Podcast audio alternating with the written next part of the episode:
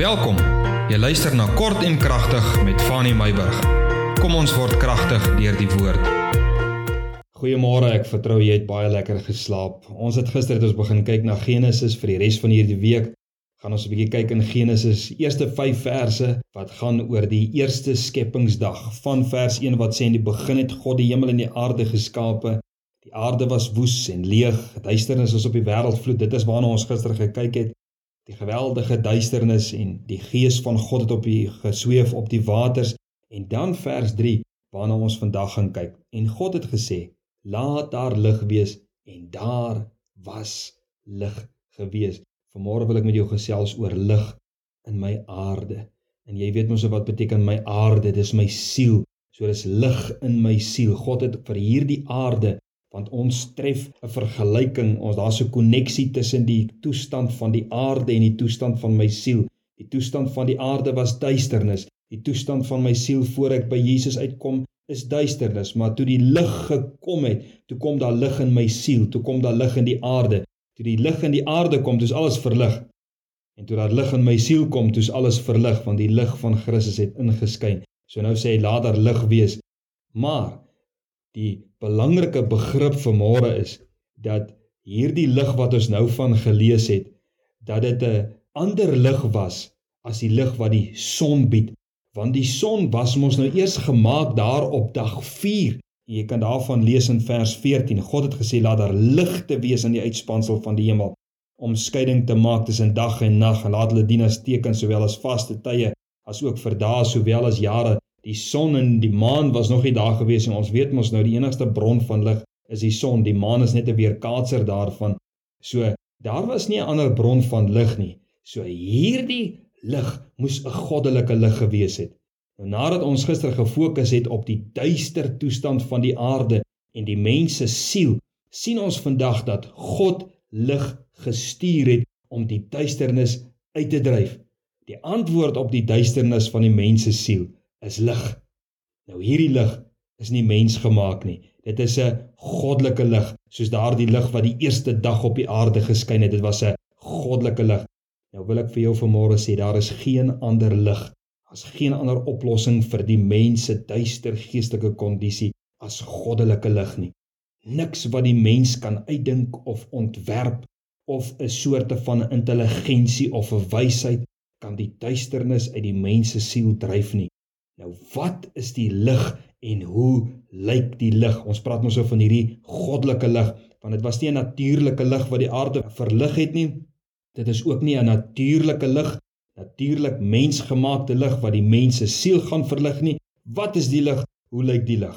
Nou gaan ons 'n bietjie kyk na 'n paar verse. Ek gaan dit vinnig vir jou opnoem. Matteus 4 vers 16 daar spreek Jesus eintlik van homself deur 'n profesie wat deur Jesaja geprofeteer was. Hy sê die volk wat in duisternis sit. Wat in watse duisternis sit die volk? Dis mos nou nie dat die son verduister het nie, nê? Dit is 'n geestelike toestand. Hy sê die volk wat in duisternis sit, het 'n groot lig gesien en die wat sit in die land en die skaduwee van die dood, vir hulle het 'n lig opgegaan. Ons weet mos nou hierdie skaduwee en hierdie dood en hierdie duisternis is 'n geestelike kondisie. En daar vir hulle het 'n lig opgegaan. En ons weet mos nou, dis nie 'n aardse lig nie.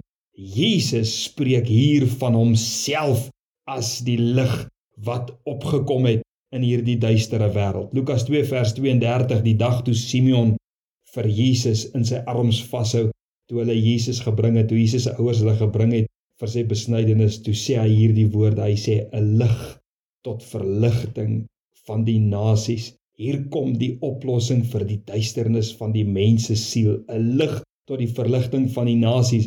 En dit is nie net vir 'n sekere ras en vir 'n sekere taal en vir 'n sekere kultuur en 'n velkleur nie. Dit is 'n lig tot verligting van die nasies om die toestand, die duister toestand van die mens se siel aan te spreek. Kom Jesus, die lig tot verligting van die nasies. In Johannes 1 vers 4, vers 5 en vers 9 gaan ek ook vir jou aanhaal. In hom, in Jesus was lewe en die lewe was die lig van die mense. Vers 5: Wat doen hierdie lig? Die lig skyn in die duisternis en die duisternis het dit nie oorweldig nie. Prys die Here. Vers 9: Die waaragtige lig wat elke mens verlig was aankom in die wêreld. Op daardie stadium het Johannes nog net gespreek van Jesus. Dit is hoekom hy sê die waaragtige lig, Jesus wat elke mens verlig, hulle geestelike kondisie, hulle sielsmens kom verlig. Hy is op pad sê Johannes en Jesus het mos gekom, ons weet mos nou. Johannes 8 vers 12 sê Jesus, hy sê ek is die lig van die wêreld.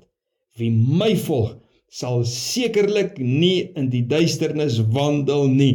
En God het gesê, laat daar lig wees oor hierdie duistere aarde en daar was lig gewees. Dit beteken niks was meer in die duisternis nie. Jesus sê, ek is die lig.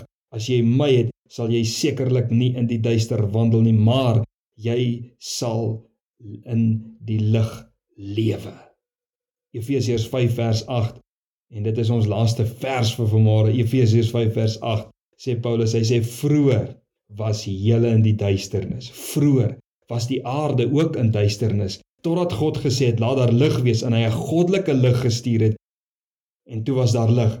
Hy sê vroeër was julle ook in die duisternis. Julle siele was ook so in duisternis. Hy sê maar nou is julle lig in die Here. Hoekom? Nou dat die lig gekom het, is ek lig, geen duisternis nie, want Jesus sê mos, ek en jy is die lig van hierdie wêreld. Maar ons was nie lig nie, maar toe Jesus gekom het, toe is hy lig. So wat is die antwoord vir die kondisie vir die aarde? Goddelike lig. Wat is die antwoord vir die kondisie van die duisternis van die mens se siel? Goddelike lig, Jesus Christus en dit het gekom. Dit is hier.